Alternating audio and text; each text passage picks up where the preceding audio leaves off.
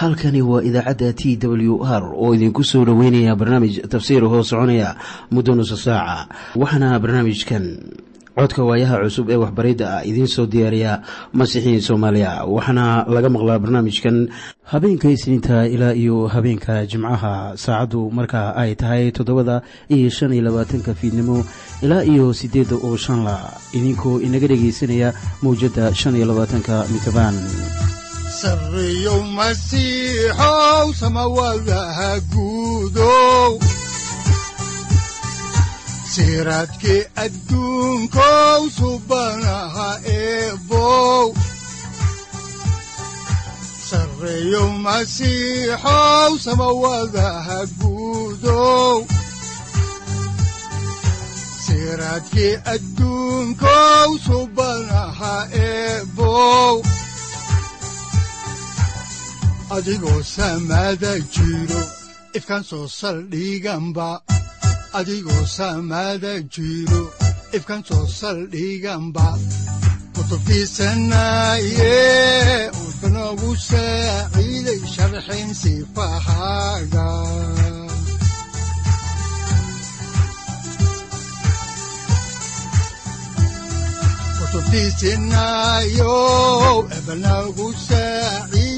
sharxin sifahaaga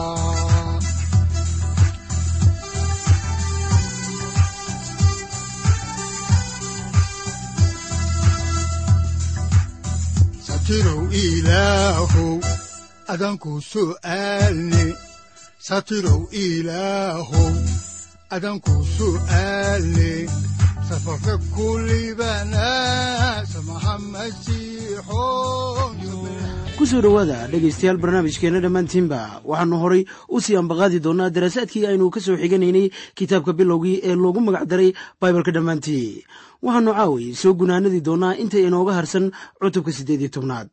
Waxaanan ku guda jirnay mawduuca ibraahim oo ilaah ugu soo dhowaaday sida dhexdhexaadiye waxaynu intaa kadib bilaabaynaa cutubka sagaaliyo tobnaad haddaba mawduucyada cutubka sagaaliyo tobnaadii ka kooban yahay waxa ay kala yihiin malaa'igtii oo timi sodom oo soo booqatay luud labo xaaladdii hoosiisay ee xagga damiirka ee magaalada sodom ku sugnayd. Saddex malaa'igtii oo ku wargelisay luud inuu baxo oo waxa uu aaday sokor afar baabi'intii caasimadihii ku yiilay bannaanka. Shan dembigii fashaxaarka ahaa ee luud iminka waxaan idinka faalloonaynaa qaybtii u dambeysay ee cutubka siddeed iyo tobanaad. Waxaannu ku guda jirnay daraasaadkii ku saabsanaa baabi'intii magaalada sodom iyo gomora oo aynu ka soo xiganaynay sida ay ugu qoran tahay kitaabka bilowgii cutubkiisa siddeed iyo tobanaad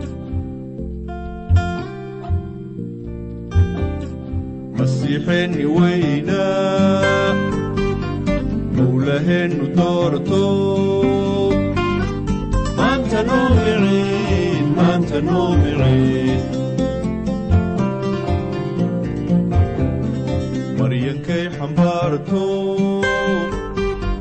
madigii ilaahow maanta noo miciin maanta noo miciin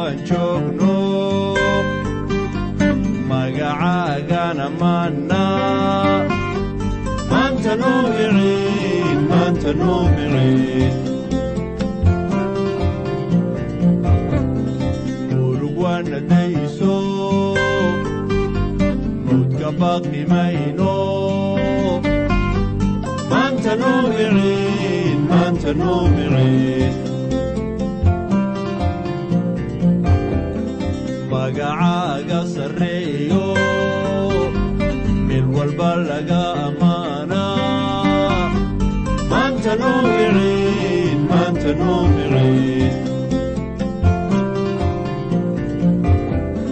masiixiinta oo idin kaymahaadiyeeno maanta noo miciin noo micin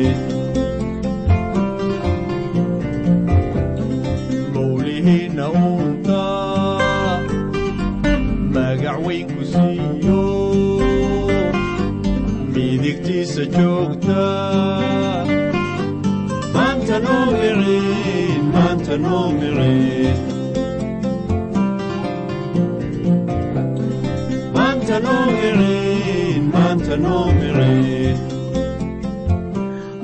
dambaysay waxaannu ka faalloonaynay ilaah oo ugu bishaareeyey luud inaan magaalada lala baabi'inaynin inta uu isagu ku dhex jiro. Haddaba xaalad caynkee ah bay dunidu maanta ku sugan tahay. Dunidu waxa ay maanta la timid ama ay la mid tahay tii sodom iyo gomora taasaana inoo sheegaysa waxyaabo badan oo haatan aynu ka aragno dunideenna maanta. Taasna loolama jeedo in ilaah uu berri iman doono. Garan maayo oo welibana ma jiro cid kale oo garanaysa goorta uu iman doono laakiin wuu iman karaa berri oo waxaa hubala inuu sameeyo sawirka. Waxyaabaha kitaabka bilowgii uu ka qoray baabi'intii sodom iyo gomora iminkana waxaynu soo gaarnay cutubka sagaal iyo tobnaad. Haddaba mawduucyada cutubkani uu ka kooban yahay waxa ay kala yihiin sidaannu idiin soo sheegnay malaa'igtii oo timi sodon oo soo booqatay luut waxaannu haatan eegaynaa maaddadaas cutubkan sagaal iyo tobanaad waxaa ku qoran sawirka ah nolosha burbursan. Ha iloobin in ninkan luuda uu ahaa nin xaqa. Aad bayse u adag tahay in taa la rumaysto haddii aanu qorniinku ii sheegin weligay ma rumaysteen in uu xaq yahay laakiin simon butros ayaa warqaddiisii ku qoray isagoo ka faalloonaya luud sida tan waayo ninkaas xaqa ahaa iyagu dhex deganaa oo waxaa naftiisii xaqa ahayd maalinka maalin silciyey camalladoodii sharciga ka geysta ahaa markuu arkay oo maqlay. Luut waxa uu ku noolaa magaalada sodom laakiin weligii kuma uusan faraxsanayn halkaa waxa ay u ahayd maalin masiibo markii uu u soo guuray sodom waayo waxa uu halkaa ka waayey xubin ka mid a qoyskiisii. Haddiise aad fiiriso sawirka oo dhan waxa uu lumiyey qoyskiisii oo dhan. Waa masiibo taas. Haddaba cutubkani waa mid ka mid a labada cutub ee ugu fashaxaarka xun ee ku qoran kitaabkan bilowgii. Labadii malag ayaa haatan soo galay sodom oo soona booqday luud haddaan ku soo noqonno oo xaalkaas ka eegno kitaabkii bilowgii ayaannu haatan idiin akhrinaynaa aayadda koowaad ee cutubka sagaaliyo tobnaad. Waxaana ay leedahay oo labadii malaa'igood baa sodom fiidkii yimi luutna waxa uu fadhiyey ridda sodom. Oo markuu luud iyagii arkay ayaa uu kacay inuu ka hortago wuuna sujuuday oo wejigiisuu dhulka saaray.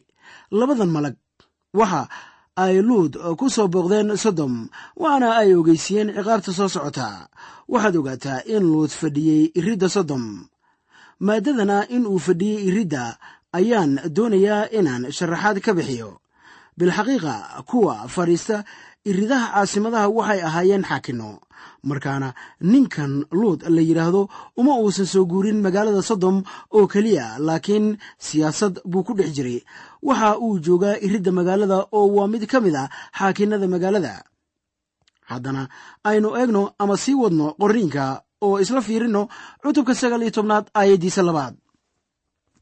Oo waxa uu ku yidhi bal eega sayidiyadaydiiow soo leexda waan idin baryayaaye oo gala guriga addoonkiinna oo caawa oo dhan jooga oo cagamaydha aroortii baanaad kici doontaan oo iska tegi doontaane.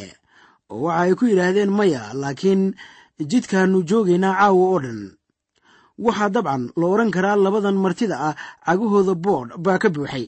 Dabcan haddii aad ka socdaasho mamre oo aad soo aaddo sodom adiga oo aan wax kale xirnayn saandal mooyaane cagahagu waxa ay u baahnaanayaan in la dhaqo xitaa mar kale waxaan jecelahay inaan idin ogeysiiyo caadadii berigaa jirtay oo ay isticmaali jireen kuwa martida soora. Luud waxa uu ahaa mid jecel marxabaynta insaanka. Markii nimankan martida ama socdaalka ahi u yimaadeen waxa uu ku casumay gurigiisa oo way soo galeen. Ugu horrayntii haddaba way ka yara gaabsadeen in ay yeelaan codsigiisa waana ay ku yidhaahdeen maya laakiin jidkaannu joogaynaa caawa oo dhan. Marka dhanka kale laga eego waxa ay ku yidhaahdeen waxaannu doonaynaa inaynu dibadda iska joogno waayo inaan ku dhibno dooni mayno. Waxna ay dabcan sidaa u yidhaahdeen ujeeddo haddaan dib ugu noqonno aayadihii kitaabka bilowgii ayaa loo baahan yahay inaan isla eegno cutubka sagaal iyo tobnaad aayaddiisa saddexaad waxaana qoran aad buuna u beriyey xaggiisayna u soo leexdeen oo gurigiisii bay galeen diyaafad buuna u sameeyey kibis aan khamiir lahaynna wuu u dubay wayna cuneen. Haatan nimankuna waxa ay nasiib u yeesheen diyaafad kale in loo sameeyo waxa ay diyaafad wax kula cuneen ibraahim oo haatanna luud bay wax kula cunayaan diyaafad.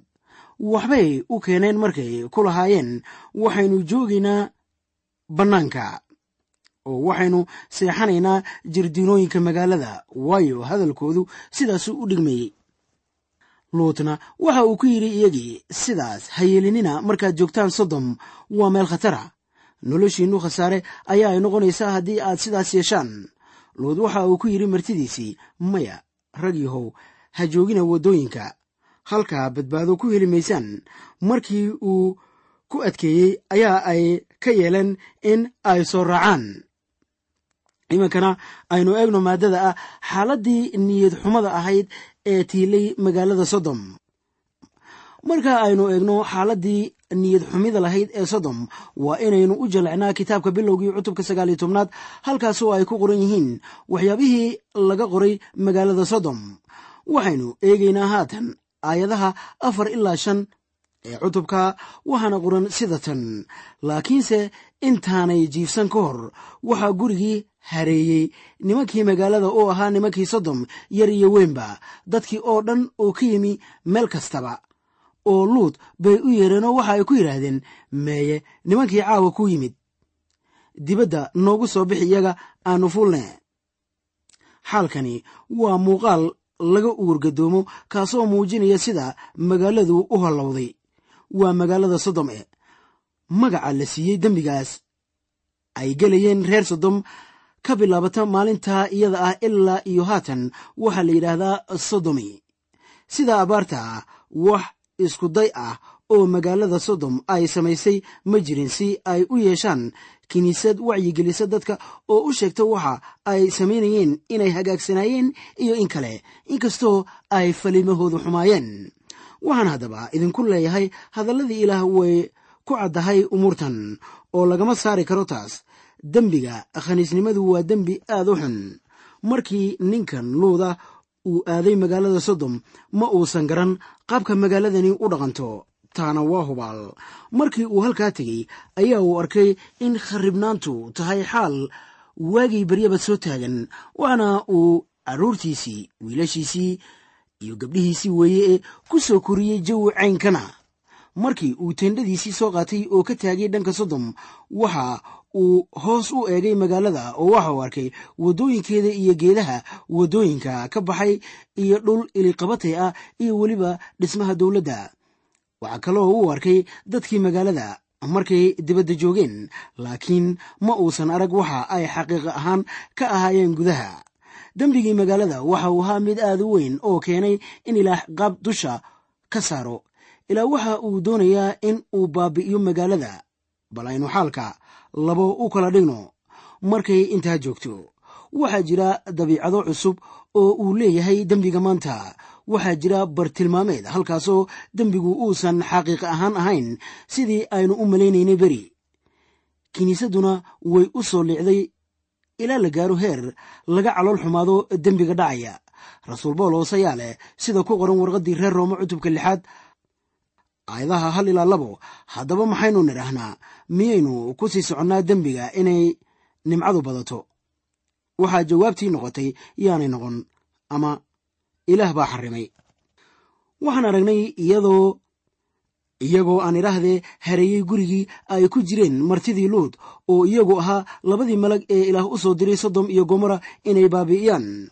Ha yeeshee warmoogayaashii reer sodom waxa ay la ahayd inay yihiin bani aadan oo waxa ay doonayeen in ay xumaan ku sameeyaan raggaas. Ha yeeshee taasu ma suuroobin oo ilaah waxa uu amray in magaalooyinka la baabi'iyo. Waa labada magaalo ee sodom iyo gomora e haddaan dib ugu noqonno kitaabka bilowgii ayay habboon tahay inaan eegno.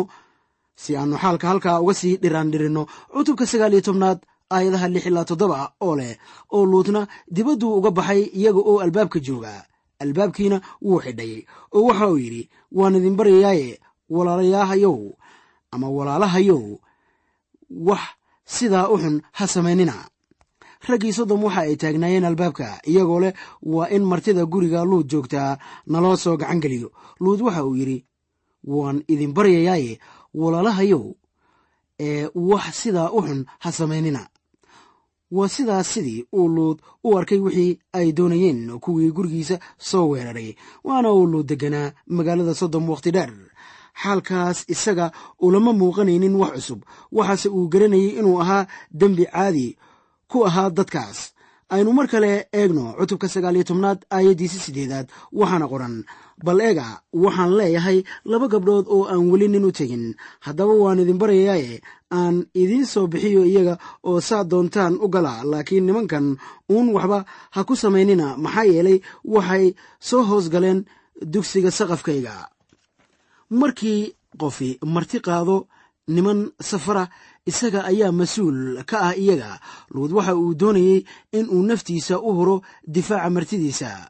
Haddaan halkii ka sii wadno aynu eegno aayadda sagaalaad oo leh waxayna yidhaahdeen dib u joogso oo waxay kaloo yidhaahdeen ninkanu socdaal buu ku yimid oo waxa uu doonayaa inuu xaakin noqdo. Haatan wax daran baannu kugu samayn intaannu iyaga ku samayn lahayn in ka sii daran. Markaasay si xun ninkii luud ahaa u riixeen waxayna u soo dhowaadeen inay albaabka jebiyaan oo waxay mar kale yidhaahdeen ninkanu socdaal buu ku yimi oo waxa uu doonayaa inuu xaakin noqdo. Sow warki maysid luud waxa uu soo galay siyaasadda magaaladan. Haddaan halkii ka sii wadno ayaannu haatan eegaynaa bilowgii waa kitaabka bilowgii ee cutubkiisa sagaal iyo tobnaad aayadaha toban ilaa koob iyo toban. Waxaana qoran sida tan laakiinse nimankiibaa gacmahoodii soo bixiyey oo luud bay gurigii soo gashadeen markaasay albaabkii xidheen. Wayna indho tireen nimankii guriga albaabkiisa joogay yar iyo weynba oo sidaas daraaddeed way ka daaleen inay albaabkii helaan haddaanay nimankanu sidaa yeeli lahayn luut iyo iyagaba waa la burburin lahaa waayo sidaasuu ahaa qasdigii raggii reer sodom. Iminkana aynu eegno labadii malag oo kula talinaya luut inuu dibadda uga baxo magaalada sodom. Haddaan halkii ka sii wadno xigashada kitaabka ayaannu haatan eegaynaa cutubka sagaal iyo tobnaad aayadaha labaiyo toban ilaa afar iyo toban waxaana qoran sida tan. Oo nimankii waxay luut ku yidhaahdeen intaan mooyaane wax kale ma ku leedahay meeshan wiil aad sadog u tahay iyo wiilashaada iyo gabdhahaaga iyo kuwa allakaad magaalada ku leedahay kala soo bax meesha. Waayo meeshan waannu baabi'in doonnaa maxaa yeelay qayladoodii baa rabbigu hortiisa aad ugu badatay oo rabbigu waxa uu noo soo diray inaannu baabi'inno markaasuu luud dibadda u baxay oo waxa uu la hadlay wiilashuu sadoga u ahaa oo gabdhihiisa qabay oo waxa uu ku yidhi kaca oo ka soo baxa meeshan. Waayo rabbigu magaalada wuu baabi'in doonaa. Laakiin waxay wiilashii uu sadoga u ahaa ula ekaadeen sidii mid ku cayaaraya. Luud waxa uu ku jiraa haatan xaalad aad u xun. Sannado badan buu deganaa magaalada sodom.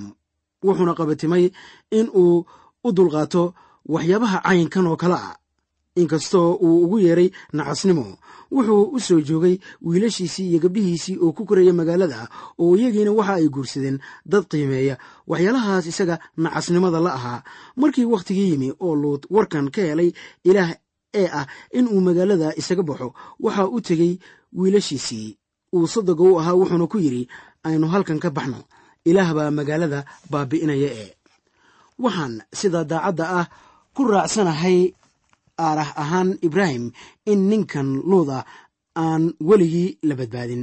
Waa xagga ruuxa ah laakiin waxaad xusuusataa wixii rasuul boolos aan idhaahdo rasuul butros ee yidhi sida ku qoran warqaddiisii labaad cutubka labaad aayadaha lix ilaa siddeed oo magaalooyinkii ahaa sodom iyo gomora waxa uu ka dhigay dambas. Oo intuu afgembi ku xukumay ayuu masaal uga dhigay kuwii cibaadolaawayaal noqon lahaa oo waxa uu ka samata bixiye luud kii xaqa ahaa oo aad loogu saxariiriyey. Sharcilaawayaashii dabiicaddoodii nijaasta ahayd. Waayo ninkaas xaqa ahaa iyagu dhex degganaa oo waxaa naftiisii xaqa ahayd maalinka maalin silciyey. Camalladoodii sharciga ka geesta ahaa markuu arkay oo maqlay. Waxaan kuu sheegayaa luud weligii kuma raaxaysan magaaladii sodom haatan markan uu ka tegayo magaalada heli maayo qof soo wehliya oo aan ka ahayn naagtiisa iyo labadiisii gabdhood ee aan weli la guursan. Aynu sii akhrino waxaa ku qoran kitaabka bilowgii cutubka sagaaliyo tobnaad aayadaha shan iyo toban ilaa lix iyo toban oo leh. Oo markii waagii baryey ayaa malaa'igihii luud dedejiyeen iyaga oo leh ka oo la tag naagtaada iyo labadaada gabdhood oo halkan jooga. Waaba intaasoo aad dembiga magaalada ku baaba'daane. Laakiin markuu raagay ayay nimankii gacantiisii qabteen iyo gacantii naagtiisa iyo gacantii labadiisii gabdhood. Rabbiguna waa u naxariistay isaga iyana way soo bixiyeen oo waxa ay geeyeen magaaladii dibaddeeda.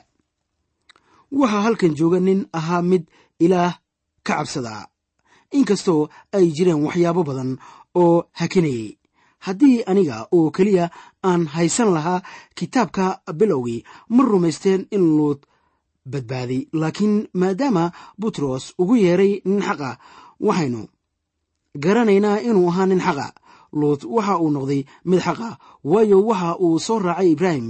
Wuxuu rumaystay ilaah oo wuxuuna bixiyey allabaryadii qurbaanka laguba ahaa. Ilaahna wuu u naxariistay luud haatanna wuxuu rumaystay ilaahoo waxa uu dibadda uga baxay magaaladii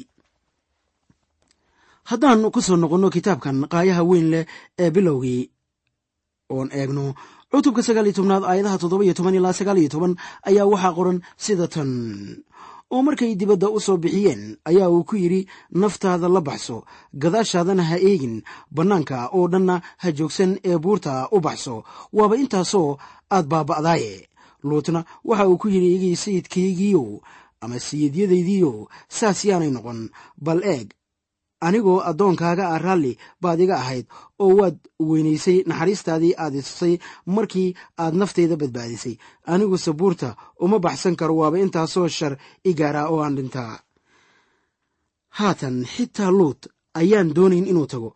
Wuu ka bixi kari lahaa magaalada laakiin kama gaarayo buurta. Haddii magaalada la gubo aynu haddaba sii wadno aayadda xigta ee labaatanaad oo leh bal eeg magaaladan baa dhow inaan u cararo waana mid yar. Dee iyada aan u baxsado miyaanay mid yar ahayn? Naftayduna waa noolan doontaa. Magaaladan waxay ahayd mid aad u yar oo la oran jiray sokor waana halkaas meeshii luud ku baxsaday. Soo warki maysid ninkan wuxuu ka soo baxay sodom laakiin weli kama uusan soo bixin ama kama soo wada bixin. Dabcan wakhtigaas dhib weyn baa ku qabsaday halkaa markaasuu axsaan weydiistay ilaahii u naxariistay. Iminkana aynu eegno maadada ah baabi'intii magaalooyinkii ku yiilay dooxada sodom.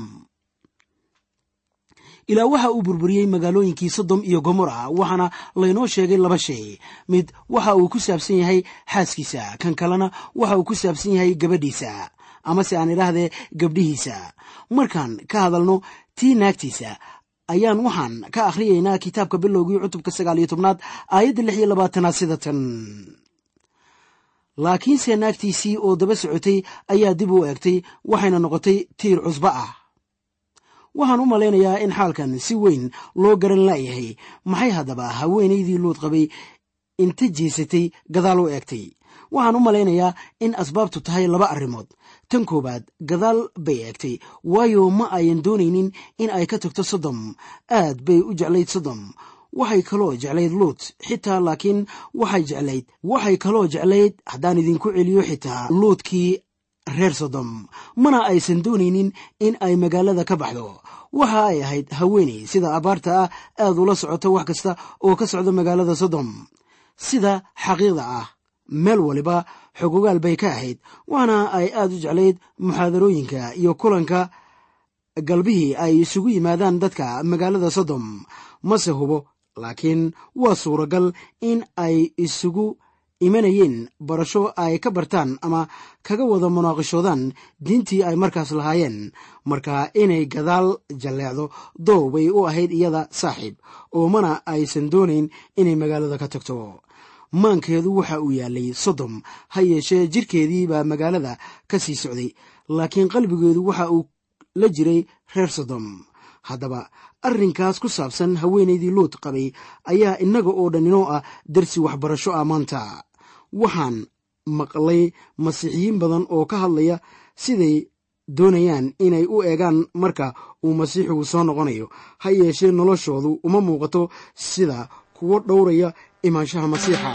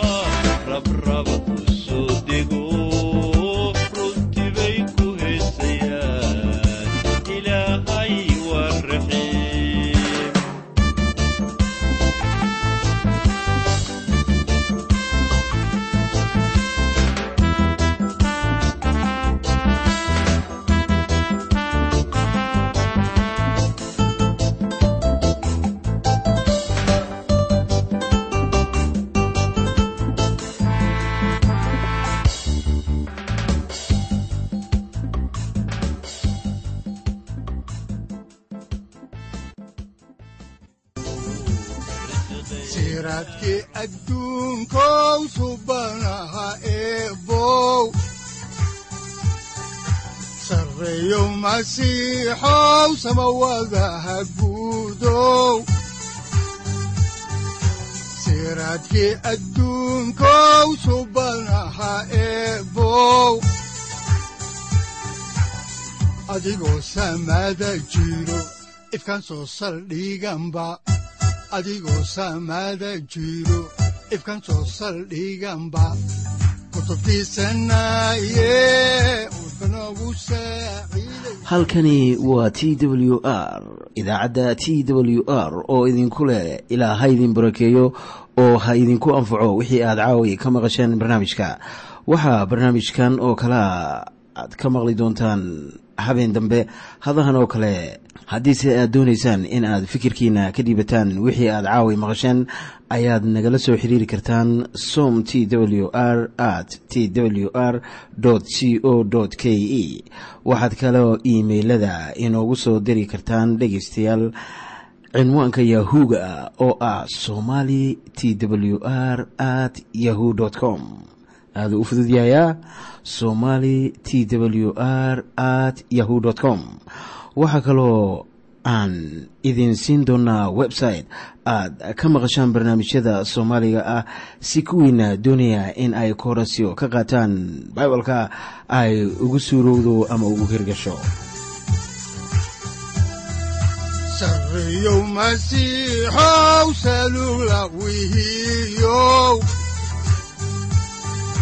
saacadda timid dhulka sabada ku dhalatiyo